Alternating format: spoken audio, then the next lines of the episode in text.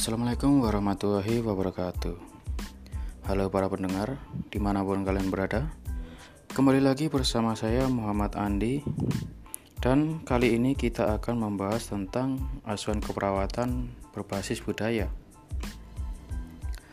Dari pengertiannya dulu Budaya adalah suatu cara hidup yang berkembang dan dimiliki bersama oleh sebuah kelompok orang dan diwariskan dari generasi ke generasi. Budaya terbentuk dari banyak unsur yang rumit, termasuk sistem agama dan politik, adat istiadat, bahasa, perkakas, pakaian, bangunan, dan karya seni.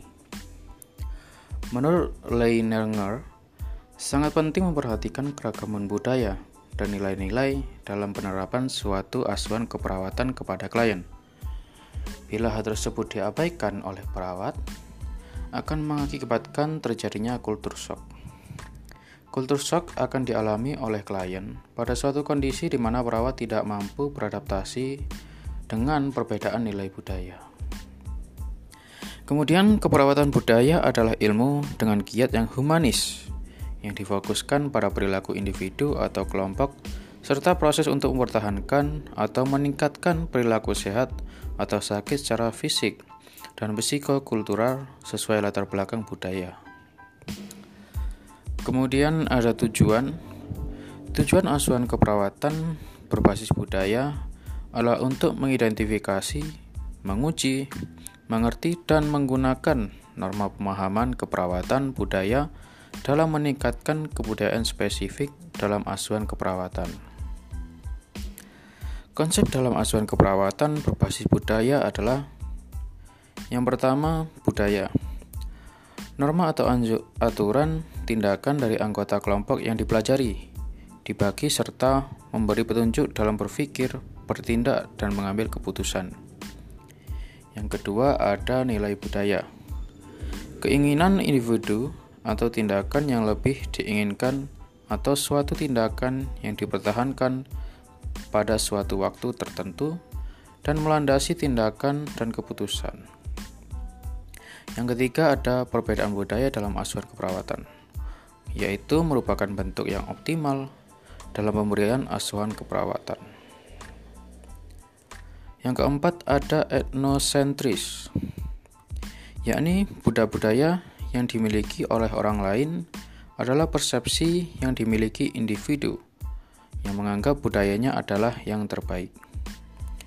Kemudian selanjutnya ada etnis, yakni berkaitan dengan manusia ras tertentu atau kelompok budaya yang digolongkan menurut ciri-ciri dan kebiasaan yang lazim.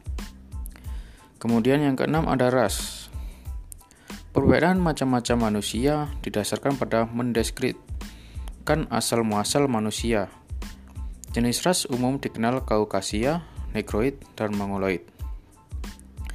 Yang ketujuh ada etnografi atau ilmu budaya yakni pendekatan metodologi pada penelitian etnografi memungkinkan perawat untuk mengembangkan kesadaran yang tinggi pada pemberdayaan budaya setiap individu. Kemudian yang kedelapan ada care, yakni fenomena yang berhubungan dengan bimbingan bantuan, dukungan perilaku pada individu, keluarga dan kelompok dengan adanya kejadian untuk memenuhi kebutuhan baik aktual maupun potensial untuk meningkatkan kondisi dan kualitas kehidupan manusia. Kemudian nomor 9 ada caring, yakni tindakan langsung yang diarahkan untuk membimbing, mendukung, dan mengarahkan individu, keluarga atau kelompok pada keadaan yang nyata atau antisipasi kebutuhan untuk meningkatkan kondisi kehidupan manusia. Kemudian nomor 10 ada culture care yakni kemampuan kognitif untuk mengetahui nilai, kepercayaan, dan pola ekspresi digunakan untuk membimbing, mendukung, atau memberi kesempatan individu, keluarga, atau kelompok untuk mempertahankan kesehatan, sehat, dan berkembang bertahan hidup dalam keterbatasan dan mencapai kematian dengan damai.